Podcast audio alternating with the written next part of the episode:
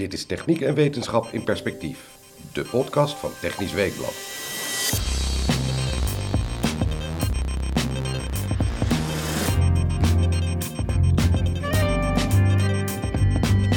In deze podcast gaan we het hebben over misschien wel de heilige graal van de energietransitie, groene waterstof.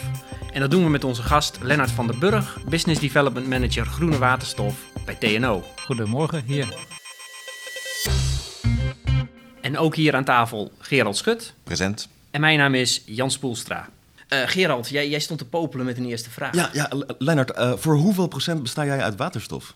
Oh, dat is een hele goede vraag. Dat vind ik lastig om te zeggen. Kijk, we bestaan veel uit water, maar of ik uit waterstof praat, dat zou ik, zou ik zeggen nul. Maar misschien heb jij iets gelezen wat ik niet nee, weet. Nee, nee, dat, dat zeg ik meer als grapje. Jan, uh, ja, uh... Nou ja, nee, nee, ik meen 90% van de atomen zijn toch waterstof in het heelal. Uh, in het heelal. Ja, ja, ja, in het heelal hebben we heel veel. Maar waterstof in zich heel, dat, komt, ja, dat wordt in, vaak gebonden of aan, aan, aan, aan, aan, zuurstof in de vorm van water of aan een koolstof in de vorm van CO2. Ja, precies. ja, nee, in de vorm van fossiele ja. brandstoffen, ja, precies, toch? Koolwaterstoffen. Ja, ja, ja. ja, Oké. Okay. En wat, is, wat is momenteel nog het grootste misverstand over groene waterstof dat je in de klimaatdiscussie tegenkomt? Nou, überhaupt voor waterstof, de grootste misverstand is natuurlijk dat mensen denken dat het gewoon vrij beschikbaar is. Waterstof moet altijd gemaakt worden. ik kom wel eens de discussies tegen van ja, we hebben geen wind of zon nodig, we hebben waterstof. Ja, en daar, daar moet, dat, dat, dat, dat, denk jullie publiek weet dat, maar dat is ja, waterstof wordt of gemaakt uit, uit elektriciteit of op, door aardgas te splitsen. Maar dan heb je natuurlijk altijd CO2. Maar dat is de grootste misverstand van waterstof moet gemaakt worden. Het is een heel interessant molecuul. Overal waar we nu aardgas gebruiken, kunnen we waterstof inzetten. Dus het is, het is breed inzetbaar. Um, maar ja, het moet wel geproduceerd worden. En, en, en ja, de groene waterstofproductie nu op dit moment is wereldwijd minimaal. Kan je het al noemen? Ja, het is 2010 en 2018 is 100 megawatt geplaatst. 100 megawatt in die periode. En dan moet je in, in, indenken dat we nu praten over gigawatts. Uh, de Europese Commissie die heeft een plan gesteld in 2025 naar 6 gigawatt en in 2030 naar 30, 40 gigawatt. Uh, Nederland zelf wil in 2030 naar, naar 4 gigawatt. Nou ja, dat zijn getallen waar je, ja, waar je geen in, in, indruk van kan krijgen, omdat het zoveel meer is wat er nu feitelijk staat. Maar... Uh we, kunnen, we kunnen dat wel? Of, of, of, of, moet daar nog veel voor gebeuren? Daar moet nog heel veel gebeuren. Dus, dus mijn grootste zorg, om daar, we, gaan hier een mooie podcast van maken, maar grootste zorg is van gaan we die doelstellingen wel halen? En dat is, dat is, uh, is zowel technisch als economisch als hoe zorgen we dat, dat we waterstof dusdanig soort van stimuleren dat het ja, ook wel echt van de grond komt. Want nu is het gewoon veel kostbaarder dan het fossiele alternatief. Dus ja, zonder stimulering of zonder een, een, een wat, ik, wat ik noem een mandaat ja, dan gaat het, gaat het niet gebeuren, zeg maar. Ja, je, je spreekt net over de, de, de grote capaciteit aan electrolyzers die, die geplaatst moeten worden. Uh, kun je even naar het begin ons meenemen? Wat, wat, wat moet er, wat, hoe, hoe werkt zo'n electrolyzer? Of wat voor type electrolyzers zijn er momenteel? Ja, ja, ja. Nou, dan moeten we eigenlijk misschien uh, 200, 200, jaar terug. Dan gaan we naar de Britse, Britse chemicus Michael Faraday. En die heeft eigenlijk het hele elektrolyseproces uh, soort van uitgevonden. Hè? Dat je met een, een, elektrische lading kun je een stof splitsen. Nou, 200 jaar geleden. Um, het is niet geheel toevallig dat uh, wij ons nieuwe waterstoflab in Petten ook het Faraday Lab genoemd hebben. Dus dat hebben we naar deze beste manier genoemd. En die heeft het eigenlijk uitgevonden. En feitelijk ja, is het met een elektrische stroom splits je water in waterstof en zuurstof. Dat is eigenlijk, dat is eigenlijk niet veel meer dan de, de, de scheikundeproefjes die we op de middelbare school deden. Dat, dat, is eigenlijk die scheikundeproefjes. Dus daar is op zich niet heel veel aan veranderd. Het punt is waar, waar wij vanuit TNO, TNO aan werken is... Um, je, je wil het zo efficiënt mogelijk, goedkoop mogelijk en op grote schaal. En die scheikundeproefjes, dan heb je twee elektroden uh, waar je dat dan doet. Je moet je voorstellen, zo'n electrolyzer is een stack van, uh, waar het proces nou ja, soms al 400 keer op elkaar plaatsvindt.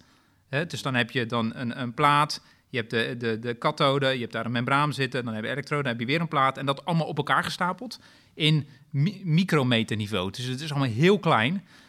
Vindt dat proces plaats waar die waterstof vrijkomt, waar die zuurstof vrijkomt, dat moet worden afgevoerd. Er komt ook nog restwarmte vrij en dat allemaal op ja, op micrometerniveau. Dus daar ligt een hele grote uitdaging om dat, voor, ja, om dat goedkoop, efficiënt, veilig uh, ja, te realiseren, zeg maar.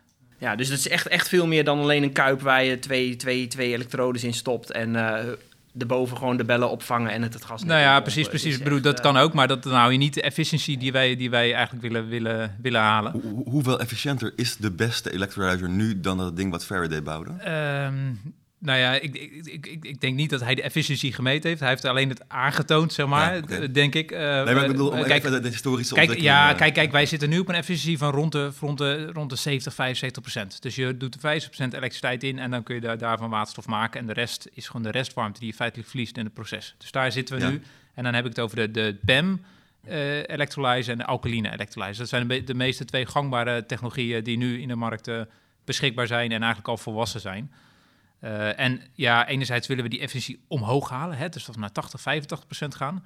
Alleen dat is wat ik net zei, een soort trade-off van enerzijds wil je die efficiëntie omhoog, anderzijds wil je ehm, nou ja, die kosten verlagen, want nu praat je ongeveer over 1000 euro per kilowatt en we willen eigenlijk naar 300 euro per kilowatt gaan, dus dat moet wel een factor 3 omlaag. Dus dat is iets waar we, waar we druk mee zijn. En we willen dat die, dat die electrolyzer stack, eigenlijk het hart van die electrolyzer, dat die op grote schaal geproduceerd kunnen worden. Want nu is het allemaal maatwerk. Ook de grote bedrijven die maken zo'n electrolyzer met de hand. Dus met de hand worden die membranen de ingehangen, ehm, worden de bipolaire platen erin gezet. Is allemaal handwerk. En uiteindelijk, als je echt naar die volumes wil gaan, dan heb je gewoon machinale productie nodig, zeg maar. En daar zijn we eigenlijk nog niet. Dus waar we nu bezig zijn is van hoe kun je zo'n electrolyzer zo ontwerpen dat hij op echt gewoon van de lopende band kan rollen, zeg maar. Ja, en dan kun je echt die kostenreductie eh, realiseren. En wat is het verschil in werking tussen de, de, de PEM electrolyzers Ja, ja. en de alkaline? Ja, ja nou ja, het, het, het, het simpele verschil is waar, bij, waar bij, de, bij de PEM, dan trek je eigenlijk die H, de, de, de, ehm, de, de H+, trek je eigenlijk door het membraan, dus een harde membraan. Ehm, en bij de alkaline is het net wat anders, want daar trek je de OH de andere kant op als het ware. En dat is een alkalische omgeving. En, en ja, er zijn ook wel wat voor- en nadelen tussen die twee technologieën, waar de PEM, die is, ehm, ehm, die is wat compacter. Hè, die footprint is twee keer kleiner. Ehm, hij kan veel sneller reageren aan en uit. Hè, dus dat is interessant als je op wind en zon connect. Hè, dan, dan, soms heb je wind, soms zon, soms heb je, heb je dat niet. Dus je kan heel snel opstarten. Waar, de, waar de, het alkalisch systeem, die heeft een, ja, een langere opstarttijd nodig. Hè. Die heeft wel 10, 20 minuten nodig om aan en uit te gaan. Er komen wel weer nieuwe types op de markt die wel sneller kunnen reageren. En het PEM zit meer op hoge, hè, die kan tot 30, 40 bar, wat weer interessant is, hè, want je moet waterstof altijd compresseren. Alkalisch is vaak atmosferisch. Dus daar zitten wel wat verschillen in. Maar alkalisch is weer in die zin goedkoper. En eh, die, ehm, daar zijn al grote projecten in de praktijk gerealiseerd, tot 100 megawatt. Eh, in, in Scandinavië zijn nog grote, grote projecten neergezet, zeg maar, op, op waterkracht. Dus die heeft zich op grote schaal al bewezen. Ja, ja. En eh, in, in die ontwikkeling naar die steeds eh, nou ja, iets efficiëntere manier om die electrolyzers te bouwen, eh, spelen daar nog Nederlandse partijen een rol? Spelen jullie daar nog een rol in? Omdat, ja, ja, ja, nou ja, tot, ehm, ja, de, de Nederlandse partijen, het, uiteindelijk is het een internationaal speelveld. Er wordt heel vaak een vergelijking gelegd met, met zonne-energie. Uiteindelijk bij zonne-energie weten we hoe het allemaal gegaan is. Heeft bijvoorbeeld de ECN heeft heel veel gewerkt aan zonne-energietechnologie. Sterker nog, in alle zonnepanelen zit heel veel ECN, wat nu TNO is, de, de techn- technologie van, eh, van, van, eh, van, van die, die, ja, die in Nederland bedacht is, zeg maar. Uiteindelijk de productie vindt nu plaats in China. Voor elektrolyse is nu de discussie, hoe gaat die markt zich ontwikkelen? Uiteindelijk zal het een wereldwijde markt eh, worden, want ja, Europa loopt daar wel duidelijk in voorop. Maar je ziet ook Amerika en, eh, en eh, landen als Japan eh, daar actief in, in meegaan, die ook componenten, et cetera, in ontwikkelen. Ehm, we hebben een, een, een onderzoek gedaan samen met FME. eh, ehm, en hebben nu 200 bedrijven in Nederland die actief zijn of kunnen worden op gebied van elektro elektrolyse. Die een membraan kunnen leveren, die eh, bepaalde coatings op de bipolaire plaat kunnen leveren, die het systeem kunnen bouwen, die het kunnen, ehm, op grote schaal kunnen produceren. Dus, dus eh, om je antwoord te geven, ja, er zijn 200 bedrijven die daar een rol in kunnen spelen. Als je op dit moment kijkt, hebben we daar nog geen positie in. Andersom gedenkt, ik denk vaak Europees. In Europa, de leidende bedrijven op het gebied van PEM, die zijn in Europa gevestigd. Die zitten in Duitsland, die zitten in Engeland, die zitten over de grens bij België. Dus ik denk door die samenwerking te doen, dat wij bijvoorbeeld leveren aan de elektrolysefabrikanten in Duitsland of eh, in Engeland. Want zo'n zo'n elektrolyse bestaat heel veel componenten. En al die losse componenten, die kunnen we in Nederland gaan maken. Dus het biedt zeker kansen. Ja, ja, ja. maar een, een, een rol die, eh, die Denemarken vanaf de jaren 80 gepakt heeft op het gebied van offshore wind, dat is eigenlijk wel een beetje vergeven eh, in deze, deze Eh, business. Nou, ook dat nog niet. Want, want, want ja, de grootste elektrolyse die nu in Europa staat, dat is een 6 megawatt van Siemens in Oostenrijk. Dus, dus het, is, het is nog wel op kleine schaal. Dus nu is het eigenlijk de stap naar opschaling. Dus wat wij eigenlijk nu tegen bedrijven zeggen, ja, nu is juist het moment om, ja, als je hier actief in wordt, nu ja, je propositie daarvoor te ontwikkelen. En vanuit TNO proberen we eigenlijk de bedrijven te helpen in ons lab om Nou, te kijken of ze een goed product hebben, hoe ze een product kunnen verbeteren en hoe ze, hoe ze dat kunnen integreren in zo'n electrolyzer als het ware. Dus ik zou zeker niet zeggen dat die positie, eh, dat het al een soort van vergeven is. Want dan, mo- eh, om een concreet voorbeeld te noemen, bijvoorbeeld eh, op het gebied van membranen. Er zijn nu maar twee, drie membraanleveranciers wereldwijd. Zeg maar. Dus dat is wel een probleem. Ook als, als fabrikant van electrolyzer wil je ja, zorgen dat die, wat wij noemen dan supply chain, leveranciers van al die materialen eh, en componenten, dat die volwassen is. Nou ja, nu produceren ze een halve dag, begin van het jaar, en hebben ze alle mem- membranen voor electrolyzers al geproduceerd, bij wijze van spreken, zeg maar. Dus ja, daar, daar, ook die hele keten moet nog zich ontwikkelen, zeg maar. En dat is ook een hele belangrijke uitdaging. Wat is er zo moeilijk aan? Waarom, waarom moet het nu nog handmatig? Nou, nou ja, heel simpel. Er is nu nog geen vraag. Ik Ja. bedoel, eh, je gaat pas eh, op grote schaal produceren als er een vraag is. Dus een soort kip-ei. Hè, Het is nu, ja, eh, de, de, de vraag komt wel heel veel. Hè? Maar echt, als je kijkt van welke investment decisions al zijn genomen voor projecten, ja, dat is nog maar, nog maar, een handvol, zeg maar. Dus ja, het is nu een beetje van, ja, ga ik investeren in indus- industrialisatie als, eh, als ik nog geen go- goed gevulde orderportefeuille heb. Dus, dus dat is een beetje kip uit. Dus de industrialisatie gaat, gaat komen, maar dat wacht een beetje op elkaar. En dat is een beetje eh, eh, het lastige. En daarvoor denk ik dat het goed is dat Euro- Europa een aantal wel doelstellingen heeft gezegd. Joh, daar willen we naartoe. Dus dat geeft in ieder geval comfort aan bedrijven van nou, eh, be- beleidstechnisch willen we daar op inzetten. Alleen wat nu nog mist is van ja, financieel zit daar nog een heel groot gat tussen. Van wat de kostprijs is voor waterstof fossiel, fossiel eh, anderhalve euro per kilo. En waar we met groen op, nou ja, zeggen 3 euro per kilo zitten. En dat, dat verschil, ja, dat, dat moet op een of andere manier. eh, ehm, ja, Ja, op- iemand moet dat, worden. moet op betalen. Iemand moet dat Ja. gaan betalen. Of het moet, eh, waar ik zelf voor pleit, is voor elektriciteit hebben we eh, een doelstelling. Hè. We willen zoveel eh, procent renewable van onze elektriciteitsvoorziening. Ik zelf pleit voor ook een pe- percentage voor gas. Hè, dat een be- be- bepaald percentage van ons gas, wat we in Nederland of misschien zelfs in Europa gebruiken, dat dat een duurzaam gas is. Lees waterstof of biogas. En als je dat doet, ja, dan, dan, dan is er een- gewoon een soort verplichting vanuit de markt om daaraan te gaan werken. Dus dat is een van de ja, eh, manieren om die markt ook nog extra op gang te krijgen. Ja, dat is, dat is een middel. Ja. Maar eh, als doel, als je, als je naar eh, 2030 kijkt, eh, eh, ons, ons doel is eh 11 gigawatt aan, wind op zee. Ik las van, van jullie eigenlijk ehm, dat om alle grijze waterstof uit aardgas die we nu maken in Nederland te, groen te maken, hebben we 10 gigawatt. Dus hebben we eigenlijk al de wind op zee die we willen hebben om onze elektriciteit te verduurzamen, zouden we nodig hebben voor groene waterstof. Maar dan hebben we dus nul energie meer, elektriciteit meer over om onze Ja. elektriciteit te vergroenen. Dus ja. hoe, waar, waar Nou moet het vandaan kijk, komen? Nou ja, kijk, kijk in de basis eh, is on- is onze stelling van TNO... we moeten waterstof alleen inzetten waar er geen andere optie is. Zeg maar, hè. Dus wat, wat je direct elektrisch kan doen, dat moet je elektrisch. Laat, laten we dat voorop stellen. Kijk, voor de industrie, daar heb je met name de hoge temperaturen... of, of de scheepvaart, of eh, misschien straks de luchtvaart... waar we naar synthetische brandstoffen gaan. Ja, daar ontkom je niet aan de waterstof... want elektrisch is daar nog niet toe, voor toe, toereikend, zeg maar. Ehm, nou, en jouw rekensom in die zin klopt. Eh, we hebben gewoon veel elektriciteit nodig. Eh, en ik zou hem eigenlijk willen omkeren. Want wat wij eigenlijk zeggen is van... Nou ja, dat klopt. De huidige doelstelling is 11 gigawatt wind op zee in 2030. Het potentieel van de Noordzee is tot 70 gigawatt. Als we al die elektriciteit op de Noordzee... wat we daar opwekken, in ons energiesysteem willen krijgen... eh, ja, dat kan niet allemaal elektrisch. Zeg maar, hè? Dus een deel wil je dat omzetten in waterstof. En kijk, en daar, daar gaat zeker na 2030 gaat waterstof eh, en die omzetting is heel veel belangrijk van systeemperspectief. Maar dat is echt nog heel ver weg. Hè? Ja. Eh, moeten we dan nu al die, die elektrolyzers gaan, gaan ontwikkelen? Kunnen we dat niet over tien jaar gaan doen, als, als, zodra er eh, eh, stroom over is om ze te gebruiken? Ja, ja nou ja, ik, ik, dat stroom over is, daar geloof ik eigenlijk in die zin, nee, of nee, geloof ik eigenlijk niet zo in. Kijk, zo, ik bedoel nu ja, niet over ja. van, van, eh, Ja. dat je het weggooit, maar ik bedoel over in de zin van dat we er genoeg hebben om... Dat we eerst onze andere behoeften gedekt hebben en dat we dan, dan nog voor waterstof over Nou, kijk, op zich, op zich loopt het redelijk parallel. Want, want we hebben in het de- de- de landelijk klimaatakkoord hebben gezegd... in 2030 willen we 70% van al onze elektriciteit groen geproduceerd is. Mhm. dat is een doel en dat doen we met wind op zee... en dat doen we met energie, eh, eh, wind en zon op land, zeg maar. Eh, en dat is op de energiemix. En dat is eigenlijk, nou ja, 70% is daarvan groen en 30% is dan daarvan grijs. Ehm, dus kijk, van belang is dat we die ontwikkeling gelijk op laten lopen. Hè? Dus dat je wel onze elektriciteitsvoorziening moet volledig vergroend worden. Maar aan de andere kant willen we ook zorgen dat die elektro- ele- elektrolyse er gaat komen. Zeg maar. En dat is. ehm, ja, dat, dat is van belang. Dus je zegt joh, tot 2030 doen we niks en na 20, 2031 willen we ineens 10 gi- 5 gigawatt hebben. Ja, dat gaat natuurlijk niet, niet, niet werken, zeg maar. Vandaar is, is, is het wel van belang dat we nu langzaamaan de eerste projecten van de grond krijgen.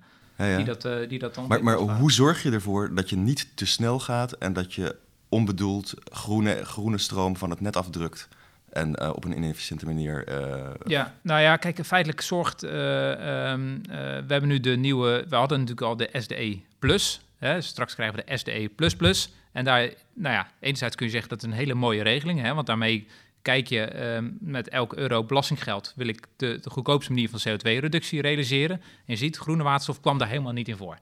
Omdat we eigenlijk precies, feitelijk voor jouw argument, het is veel beter om elektriciteit te maken in plaats van waterstof. Maar we zien. Eh, waterstof heeft een systeemfunctie. Hè, we willen van het aardgas af. We willen zorgen dat we energieopslag hebben. We zien dat, het, eh, dat we het nodig hebben voor de zware industrie. Dus geen alternatief. Dus dat is, dat is een beetje discussie van ga ik op korte termijn winst qua CO2, wat de goedkoopste manier om, om, eh, ehm, ja, om aan, aan de klimaatdoelstellingen te komen, of ga ik meer naar de lange termijn kijken van ja, waterstof is simpelweg gewoon nodig voor, de, voor die staal, voor de luchtvaart, voor die seizoensopslag. Dus ja, dat is een beetje korte lange termijn. Korte termijn heb jij helemaal gelijk van is het de, qua CO2-reductie efficiënter om nog meer elektriciteit te gaan, eh, eh, in te gaan zetten lang- lange termijn, hebben we gewoon die waterstof nodig om ja, wat wij noemen de moeilijke te decarboniseren sectoren te verduurzamen, zeg maar. Dus ja, het moet bijna gelijk oplopen, zou ik eigenlijk zeggen. En, wa- wa- en wat zijn in dat, dat, proces hè, naar eh, volledig duurzame energie? Dan hebben we een bepaalde hoeveelheid opslag van energie nodig. Eh, nee, je sprak net al, we moeten, we moeten de techniek van die electrolyzers eh, ontwikkelen. Ehm, wat zijn verder nog stappen op weg naar eh, ja, die rol voor waterstof in de energietransitie? Nou ja, eh, ehm, kijk, de waterstofproductie is natuurlijk één. Daarna moet die waterstof natuurlijk ge- getransporteerd worden. Hè? Dus je hebt een infrastructuur nodig. Dat is natuurlijk een hele, hele, hele belangrijke. Er zijn in Nederland plannen om nou ja, een stuk van het huidige hoogdruk gasnet om te zetten naar waterstof. Of het deels om te zetten naar waterstof. Dus dat je die, die waterstof aan de kust eh, produceert eh, met wind. En op een gegeven moment naar, naar, naar andere industriegebieden bijvoorbeeld eh, naar, naar Limburg of zelfs we kijken nu naar Duitsland of we waterstof kunnen importeren en naar Duitsland kunnen, kunnen brengen. Dus die infrastructuur is belangrijk. Ja, en opslag is natuurlijk een hele belangrijke, hè, want waterstof is, is, is qua energiedichtheid heel groot, hè, 120 megajoule. Maar als je echt, je, ehm, eh, je moet het comprimeren, zeg maar. Hè? Dus je moet het opslaan. Ja, en ehm, ja, daar kijken we bijvoorbeeld naar lege gasvelden of uh, zoutcavernes, waar we het echt voor langere tijd kunnen opslaan om bijvoorbeeld in de winter het dan weer te kunnen gebruiken. Zo. En dan opslaan onder druk? Onder druk, ja. Dat gaat onder druk, eh, eh, 100, 100 plus bar onder druk in de ondergrond. En dat moet veilig, dat moet eh, goed zijn. Dus, en daar worden nu eerste ja, experimenten mee gedaan, zeg maar. Ja. Het is natuurlijk ook weer een enorm kip-ei verhaal. Hè? De, eh, je, wil, je wil die groene waterstof. Je hebt grote infrastructuurprojecten nodig om, het, nou ja, om, om het eh, van de grond te krijgen. Eh, zie je nog een mogelijkheid om daaruit te komen? Speelt bijvoorbeeld een transitie via blauwe waterstof daar nog een rol in? Ehm, ja, dat, dat, dat, dat, dat is, dat is een, ehm, eh, een hele in- in- interessante en dat is ook, een- ook punt van debat, laat ik het zo netjes, netjes zeggen. Eh, kijk, eh, voor, voor de luisteraars die het niet weten, blauwe, blauwe waterstof, ehm, dat is eigenlijk op dit moment produceren we heel veel waterstof in Nederland. Eh, Heel veel waterstof produceren. 10% van, meer dan 10% van het huidige aardgas zetten we om in waterstof. En dat is ja, wat we noemen grijze waterstof. Die CO2 gaat in Rotterdam gewoon de lucht in. En dat is een van de grootste CO2-uitstoters op dit moment, laten we zeggen. Nou, wat we met blauwe waterstof doen, dan gaan we die CO2 eh, afvangen. Deels. Hè. De, de, de, de capture rate is ongeveer tussen de, 70, eh, tussen, tussen de 60 en hele goede systemen 80, 90 procent. Dus je houdt altijd nog een stukje CO2-emissie, maar die vangen we af. En het idee is om die dan te transporteren met een pijpleiding en nou ja, onder zee eh, op te slaan in, de, in, in lege gasvelden. En er is nu een project in eh, Rotterdam, dat noemen we Portos. Amsterdam heeft een ander project, noemen we Atos, waar die CO2 dan wordt opgevangen. En op zichzelf is dat het, het, het, mooie daaraan is dat je daar in één klap heel grote vermogens kan maken. Dan praat je over gigawatt met één project wat je daar aan waterstof kan produceren. Dus dat is, dat is heel mooi. Uh, als je vanuit het milieuperspectief kijkt, is het een end-of-pipe oplossing in die zin. Want je hebt nog steeds fossiel aardgas nodig. En dat gebruik je en daar maak je waterstof van. En je hebt nog steeds ja, je restproduct CO2, wat je dan toch weer onder de grond moet gaan stoppen. Dus daar, uh, je houdt je afhankelijkheid van aardgas, is daar de discussie. Het, het voordeel is, wat ik net zei, is inderdaad, je kan in één keer een- heel veel waterstof eh, produceren. En je kan in één keer, nou ja, ehm, de huidige waterstofvraag, die nu is, soort van ja, vergroenen als het ware. Dus dat is het interessante. Waar de discussie nu over gaat, hoe kan ik ervoor zorgen dat eh, die blauwe waterstof echt een wegbereider is en geen ehm, beperker. Om een voorstelling te geven, van straks is een heel groot blauw waterstofproject wat, wat loopt in Rotterdam. En die heeft nu allemaal contracten met bedrijven. En er komt een groen waterstofproject. Ja, hoe kunnen we zorgen dat dit groen waterstofproject ook toegang krijgt tot die markt en tot die infrastructuur? En eh, dat die contracten niet een looptijd hebben van 30 jaar en dat die groene waterstof gewoon, gewoon er niet meer tussen past, zeg maar. En dat is dus in die detail en in de financiering en in de looptijd van het project, denk ik dat we goed moeten kijken dat die groene waterstof eh, ja, eh, toegang kan krijgen tot de markt en niet dat de markt al soort van ja, verdeeld is. En, ook, en er is eigenlijk nog helemaal geen waterstofmarkt. En ook wie wordt eigenaar van die infrastructuur? Hoe gaan we die regulering doen? Dat zijn nog best wel wat vragen die op tafel liggen. Wa- waarom is het eigenlijk erg als een oplossing een end-of-pipe solution is? Dat is een goede. Nou ja, dit, dit is- een goede. Van, vanuit de, ik ben van huis uit econoom. En dan werd eigenlijk altijd gezegd van een end-of-pipe oplossing. Ehm, ja, dan pak je het, het niet aan de bron aan, zeg maar. Je bent iets. eh, eh, je, het, ehm, eh, als je naar de medisch kijkt, je, bent, je gaat medicijnen ontwikkelen, maar je gaat niet de kwaal aanpakken, zeg maar. Ja, ja, en ik wil. het, het is minder dus- elegant, maar, is maar, minder maar- elegant. maar het Kijk, kijk, wel. Kijk, ja, kijk ook, ook in I- I- IPCC is gezegd, ja, we hebben CCS, hè, waar het dit gaan, carbon capture and storage, hebben we nodig om gewoon veel CO2 eh,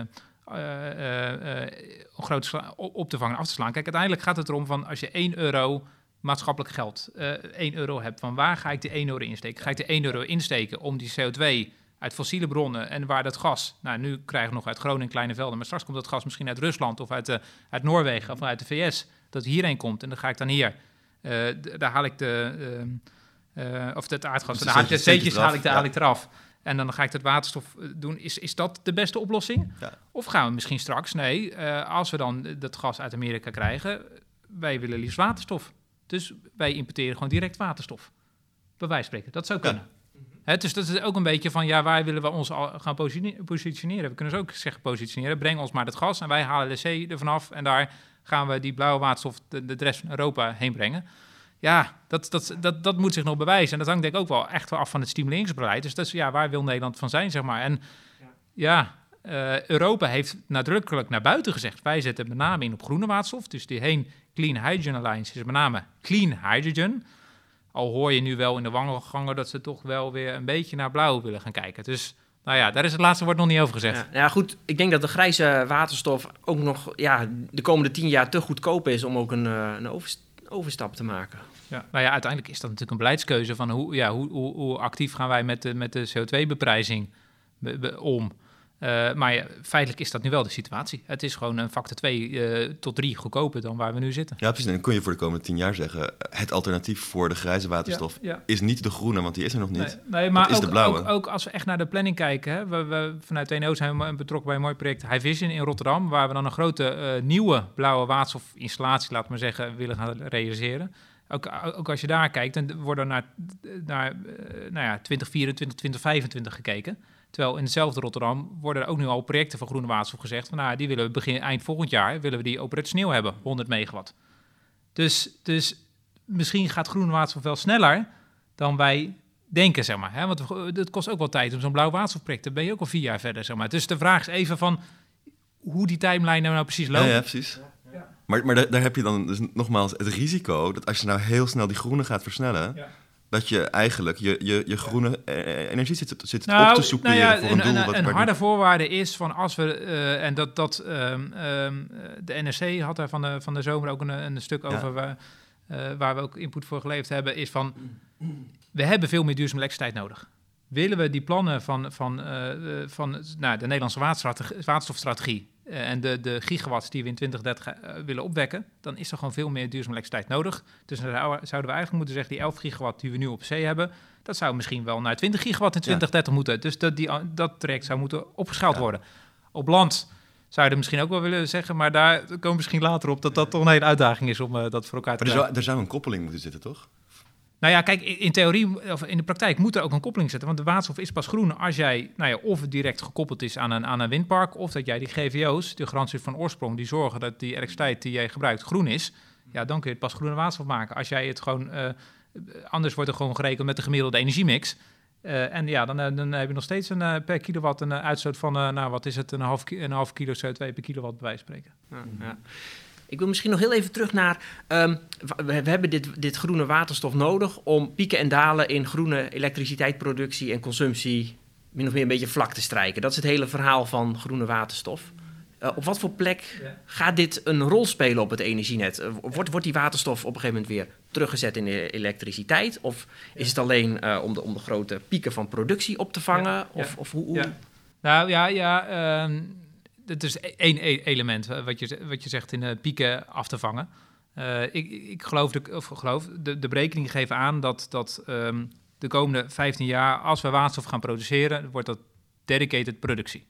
Hè, dus we gaan, zo'n zo'n electrolyzer is duur. Wat ik, nou ja, nu eh, de een miljoen plus per megawatt. Eh, we willen dat eh, natuurlijk sterk naar beneden krijgen. Maar als je dan een electrolyzer gaat produceren, dan draait die, nou, laten we zeggen, 6000 uur per jaar. Hè, dus dus de, eh, 70% van de tijd staat die aan. Dus dat is echt niet alleen op de pieken en dalen.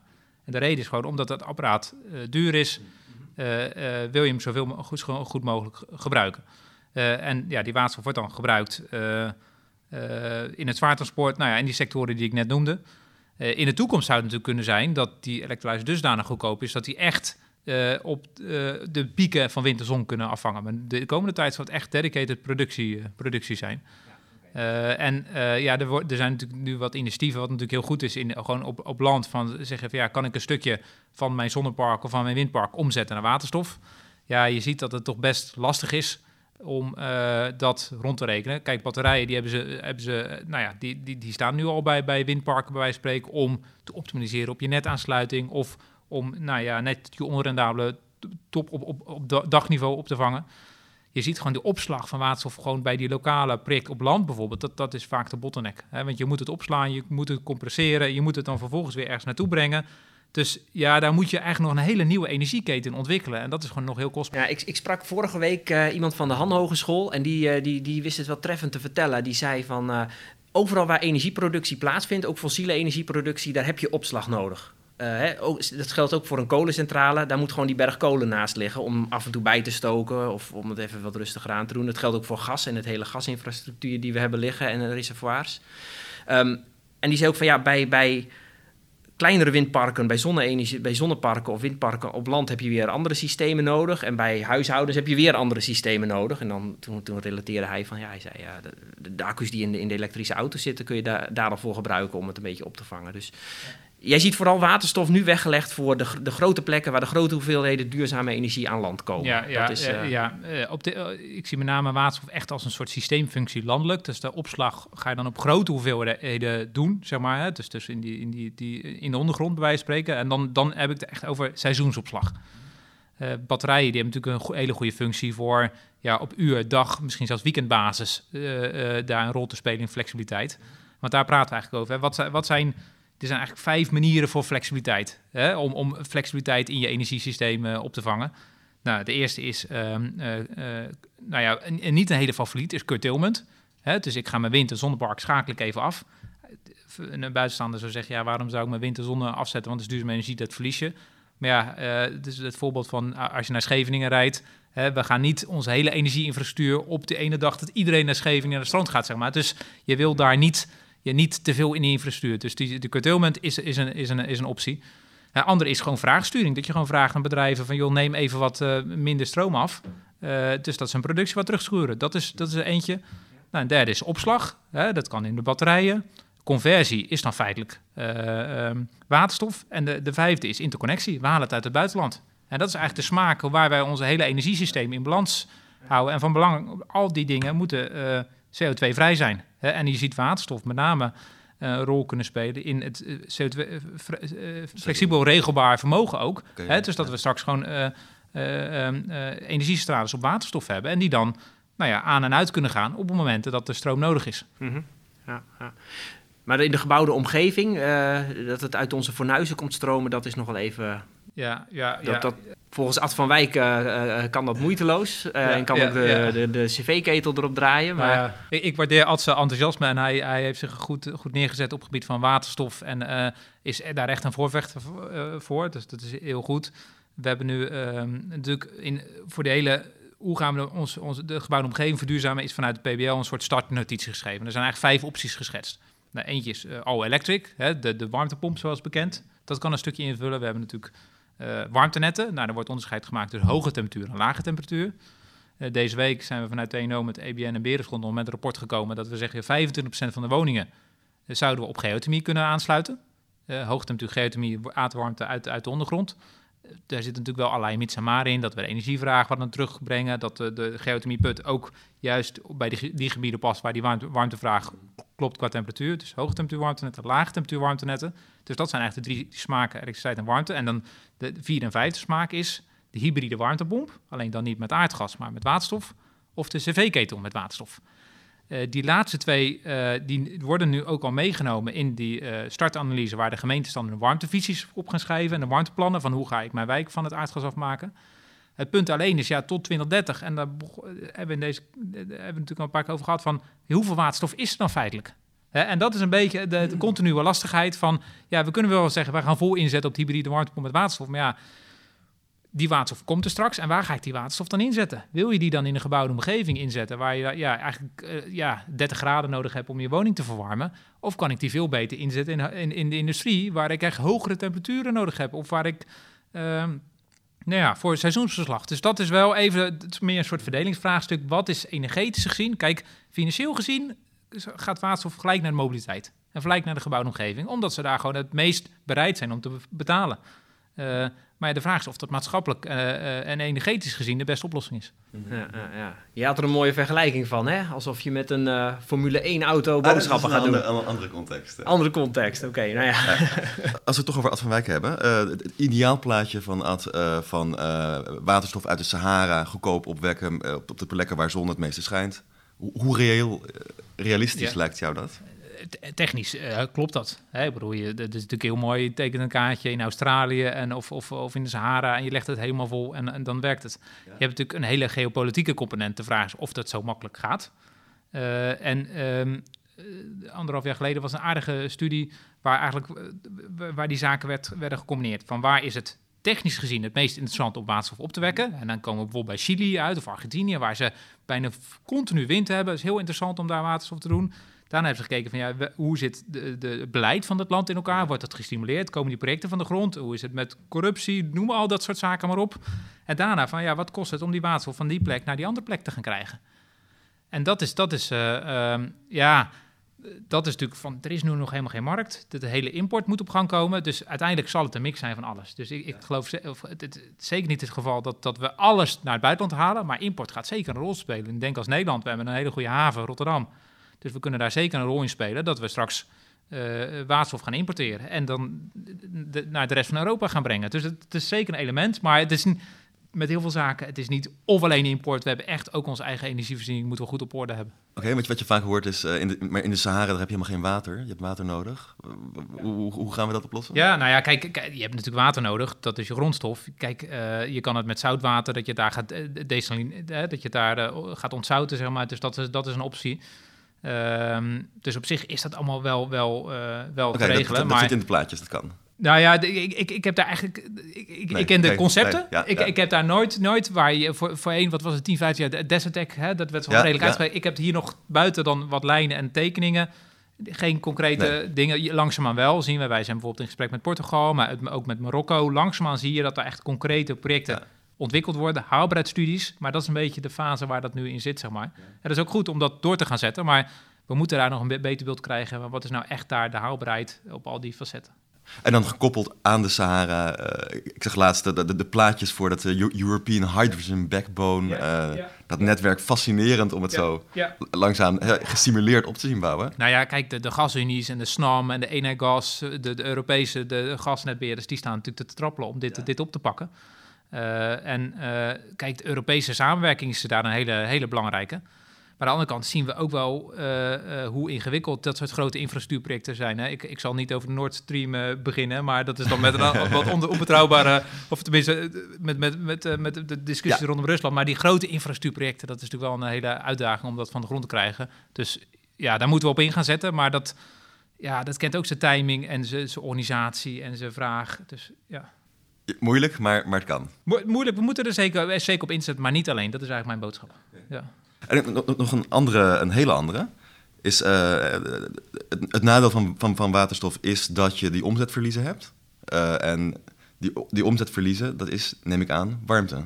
Ja, ja, warmte, restwarmte is, is om, verlies. Ja, Kunnen we dat niet gebruiken dan? ja, ja dat, is, dat is een hele, hele, hele goeie. Want, want nou ja, die PEM alkaline komt iets van 70, 80 graden restwarmte eh bij vrij. Nou ja, Ja. Zeker als je dat in een gebouwde omgeving wil gaan inzetten. is het natuurlijk eh, razend interessant dat we die warmte dan gaan benutten en in een warmtenet te gaan stoppen. Dus Maar dat is, da- da- dan kan je toch efficiënties gaan halen ga- als je die meetelt. Dan ga, ga je, gaat je effi- efficiëntie eh, omhoog. Uit, even uitgaan dat je op dat moment ook die warmte nodig hebt. Als je dan zomer gaat produceren. Maar dan gaat je efficiëntie zeker omhoog. Dus dat is zeker een optie van kunnen we die restwarmte gebruiken. Kunnen we dat zuurstof gebruiken. Dat zijn allemaal upsides. Maar wa- waarom, waarom hoor je dat nooit? Nou, je hoort het natuurlijk wel. Maar nou ja, wat ik aan het begin zei is van... De, de, ja, er zijn nog heel weinig electrolyzerprojecten. Ik krijg wel eens een vraag. Ja, hoeveel, hoeveel megawatt staat er in Nederland? Nou ja, ik denk als we 2 megawatt in Nederland hebben staan, of 3 megawatt. Hè, we kennen het pro- project van GasUnie en wij hebben dan een, een klein systeem staan. Maar verder staat er nog niet zo gek veel. Dus ja, ja, het zover, zover zijn we feitelijk nog niet. Ja, we kijken er wel naar in studies en het is, het is zeker interessant om mee te... Het gaat straks ook meegenomen worden, maar nu eigenlijk nog niet. Nee. Hoe gaat, hoe gaat het met jullie eigen eh electrolyzer die jullie op de Noordzee willen zetten, dat Poseidon-project? Ja. Eh, hè, en, en misschien een leuke tweede vraag. eh, waar gaan we waterstof produceren? Moet het, kan het ook op zee gebeuren? Maar eerst de eerste. Maar de eerste eerste. Hoe gaat het met het, de Poseidon-project? Dat is natuurlijk een heel, heel mooi project. Ik bedoel, als je in Scheveningen staat en je kijkt 14, het is een mooie dag, 14 kilometer uit de kost, zie je daar het platform staan van Neptune Energy. Dus het enige platform wat een, een kabel heeft naar land. Dus het is al geëlektrificeerd. En de gedachte is dat wij daar een electrolyzer neerzetten met een heel consortium van partijen. Om, het het doel is eigenlijk te kijken van, ja, hoe gedraagt zo'n electrolyzer zich op zeecondities. Hè? De, de lucht is zout, zo'n platform beweegt een beetje. Het platform is niet zo gek groot, hè? 400 vierkante meter. Dus hoeveel past het? Wat kost het om het daar neer te zetten? Nou, dat hebben we helemaal, uitgezocht. En de volgende stap is nu ook gewoon dat ding daar te gaan plaatsen. Nou ja, daar zijn we nu druk mee bezig met dat consortium en ook gesprekken met ja, electrolyzer-partijen die dat systeem willen gaan leveren. Ehm, we zijn eh, ook eh, GasUnie zit nu bij het consortium, want een deel van die, die willen we dan in het hogedruk gasnet stoppen. Nou, dan hebben we nog wat eh, regulatorische vraagstukken, laten we zeggen, of die waterstof echt erbij ge- bijgemengd kan worden en tot welk percentage. Dus daar zijn we nog druk mee. We hebben, het, we hebben nog geen, nou ja, net zoals met heel veel projecten, het duurt allemaal weer langer dan we dachten. Ehm, maar ja, ook in Europa wordt gezien van dat dit wel van belang is om ja, ervaring op te gaan doen. En op je tweede vraag van ja, gaan we die waterstof dan nu eh, op zee doen of op land? Eh, ja, dat is eigenlijk meer een soort systeemintegratievraag. Hè? Van wat is het meest effectief? En ik denk de, bijvoorbeeld windparken dicht bij de kust. Hè, daar is het meest interessant om daar gewoon met een kabel naartoe te gaan. Als de windparken echt verder uit de kust gaan, hè, verder dan 80, 80, 80 kilometer, ehm, dan zou het interessanter kunnen zijn van, nou, ik ga daar eh, in plaats van elektriciteit, ik ga daar direct waterstof van maken en ik ga dat misschien via een bestaande gasleiding naar, eh, naar eh, land brengen. En dan kan die waterstof op een bestaand platform zijn. Het kan een floating platform zijn. Het kan misschien zelfs een artificial island zijn. Nou, daar zijn allerlei concepten. Tenet is ook in een consortium bezig om dat helemaal uit te zoeken. Ehm, dus ja, ook dat zal waarschijnlijk een mix, mix worden. En in, de ontwikkeling van die electrolyzers waar, jullie dus aan werken, wat zijn nou de moeilijkste dingen die er nog moeten? Eh, ja, er is, we hebben eh, 100, on- plus 100 punten waar we allemaal op kunnen innoveren en kunnen verbeteren. Welke Eh, als je- vergen als je- Als je een paar, hele grote punten kijkt, als je bijvoorbeeld naar de PEM electrolyzer kijkt, ja, die maakt gebruik van iridium platium voor de elektroden. Ja. En eh, we hebben berekend van als we echt naar gigawatt gaan, hebben we de wereldwijde iridium voorraad nodig om zo'n gigawatt electrolyzer eh, te maken. En eh, eerder deze week, was vorige week, was het natuurlijk op NOS voor hetzelfde voor elektrische auto's. Van nou ja, waar halen we die grondstoffen vandaan? Dus voor, voor die PEM zijn we heel druk bezig van kunnen we de, de, die, iridium die als eh, katalysator wordt gebruikt, kunnen we dat verminderen? Eh, dus die loading eh, omlaag van, van een paar milligram naar 0,0 milligram bij wijze van spreken. kunnen we alternatieven daarvoor vinden? Kunnen we kijken of we het kunnen recyclen? Dus daar zijn we echt mee bezig voor die, voor die PEM. Dus dat is, dat is die grondstoffen uit de circulair design is een hele belangrijke. Ja, en natuurlijk kunnen we die kunnen we groter, kunnen we naar grotere vermogens. Dat is een hele belangrijke. Dus kunnen we de current density omhoog doen. Hè? Dus het, eh, de amperage per vierkante centimeter kan die van nou, voor PEM van 1, 1, eh, 1 ampère naar misschien wel 6, 7 ampère. Dus dat we daar veel meer energie uit hetzelfde apparaat kunnen halen. Dus dat, ja, dat is een uitdaging. En, en het belangrijkste is ook echt die opschaling. Dus zijn we in staat, want zo'n electrolyzer is 400 cellen op elkaar, uh, 50 bij 30 is één cel. Zijn we in staat op die, om die op grote schaal te reproduceren met goede kwaliteit? En gaat dat ding ook wel 10 jaar mee? Hè? En 15 jaar mee onder die goede condities? Dus dat zijn belangrijke vragen. Uh, kan de technologie ook echt leveren als het op grote schaal gaat doen? En heb je veel kandidaten om, om de platinum ook te vervangen? We hebben wel wat kandidaten. Uh, echt volledig vervangen uh, is, is lastig, want, want dan kom je weer met je levensduur. Dat je levensduur niet haalt of je efficiëntie gaat heel omlaag. Dus we hebben wel wat, we leggen in onderzoek wat potentie heeft, maar wat, dat heeft nog niet echt op de lange termijn bewezen. Zeg maar. Dus dat, daar moet nog wel meer onderzoek voor gedaan worden. We, we zijn wel heel goed op weg om die beladingsschaak de factor 10 of 20 omlaag te halen, of misschien wel factor 100. Ja, en dan kom je ineens in plaats van 1 gigawatt naar 100 gigawatt, wat je met de huidige grondstof niveaus kan doen. Dus ja, dus we, we, maken daar zeker wel progressie in. Ja.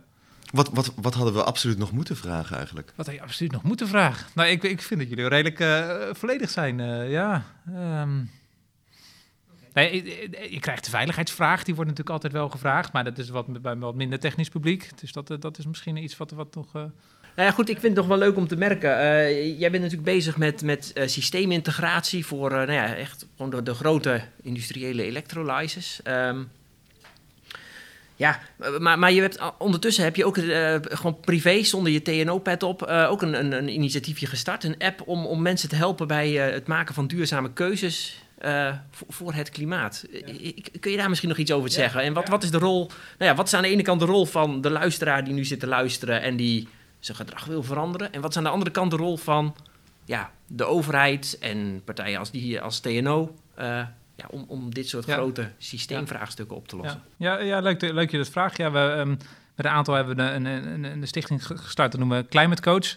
En daarmee helpen we eigenlijk, ja, uh, uh, ja jij en ik, luisteraars, bewoners, uh, om te kijken, ja, hoe kan ik mijn levensstijl verduurzamen? Want, want nou ja, bij TNO ben ik zelf heel actief natuurlijk bezig, of TNO is algemeen natuurlijk bezig met technische innovaties. Dus nou ja, onze technocraten denken, technisch kunnen we het allemaal oplossen. Ja. Maar er zit zeker een element in qua gedragsverandering. Hè, van, van um, hoe kunnen we onze footprint verlagen? En met Climate Coach berekenen we eigenlijk nou, de CO2, zijn we een app aan het ontwikkelen om de CO2-footprint van personen inzichtelijk te maken en te kijken van nou, hoe zou ik dat kunnen verlagen? En dan kom je natuurlijk op, op nou ja, uh, vliegen, autorijden, vlees eten, consumptie, want we kunnen alle apparaten wel veel efficiënter maken, maar als we op een gegeven moment daar met z'n allen veel meer van gaan kopen, ja, dan, dan verlies je daarin. Dus, dus, dus um, uh, uh, en ja, wie is aan zet? Ik geloof niet in dat, dat, dat, dat um, of de industrie, of de overheid, of de burger. Soms zie je natuurlijk, uh, uh, Jaap Tielbeek had daar natuurlijk een, mooi, mooi rapport, boek over geschreven. Ja, een beter klimaat begint niet bij jezelf. Ja, ja is een soort valse tegenstelling van, ja, de industrie zegt enerzijds van, ja, wij bieden duurzame producten aan, maar de consument koopt er niet. En de consument zegt, ja, de industrie moet maar verduurzamen en dan gaan wij pas. Ja, het is eigenlijk allebei, zeg maar. Hè. We, moeten, moeten kijken van um, industrie moet natuurlijk nou ja, CO2-vrije producten of sterk verduurzamen. Maar wij moeten natuurlijk ook, ook met, met elkaar nadenken van nou, uh, hoe vaak ga ik op vakantie? Uh, ook qua, qua vlees eten zou dat wat minder kunnen. En ook bij TNO hebben we nu laatst gezegd van ja, wij proberen ook onze, onze bedrijfsvoering te, te verduurzamen. Dus eigenlijk probeer, ja, zijn, is dat wel een heel edel, belangrijk element wat vaak vergeten wordt. En ik denk uh, dat we daar nog heel veel in, in, in te in Een beter milieu begint toch bij jouw app. Ja, ja, eigenlijk. Ja, ja, nou ja, kijk, we, we, doen, we, de, de insteeks, we doen het niet met de opgeven vingertje. Ik, ik zeg er eigenlijk al, we hebben een stappenteller. Ineens is iedereen aan een stappenteller, want die wil, nou ja, nou ja, een gezonde levensstijl, zeg maar. En eigenlijk mensen vinden klimaat belangrijk. 70% vindt klimaat belangrijk. Maar we zien maar 10% handelt daarnaar. En eigenlijk willen wij met, met Climate Coach mensen helpen die het belangrijk vinden. En ja, die er wel naar willen handelen, maar daar moeite mee hebben. En dan willen we op een, met een leuke manier, met, met, met gaming, met de teams met elkaar werken. Van nou, hoe zou ik mijn steentje kunnen bijdragen? En impliciet, iedereen werkt ergens, iedereen zit in bestuur, commissie. Heb je dan op een gegeven moment een voldoende basis om dan beleid en industrie weer ja, in die beweging mee te krijgen? En dat bedoel ik eigenlijk mee, is niet of-of, want uiteindelijk ja, is iedereen een mens en iedereen zit in bepaalde functies om daar weer het verschil te maken, het ware. Ja. Ja, een mooie afsluiter wat mij betreft. Hè? Uh, aan de ene kant dus inderdaad uh, groot denken, uh, grote electrolyzers en, en, en inzetten op, op groene waterstof. En anderzijds is dit ook een leuke, sympathieke ja. ja, initiatief daarnaast. Eh, ja, ik vond het leuk om te horen om, eh, dat, ook, eh, dat er nog een rol is weggelegd voor, voor mooie Nederlandse technische bedrijven om, eh, ja, om in die eh, el- ontwikkeling van elektrolyses te stappen. Eh, ja, hartelijk dank voor, ook je, ja, voor jouw verhaal. Graag gedaan. Gerald, ook bedankt. Mijn plezier. Tot de volgende keer.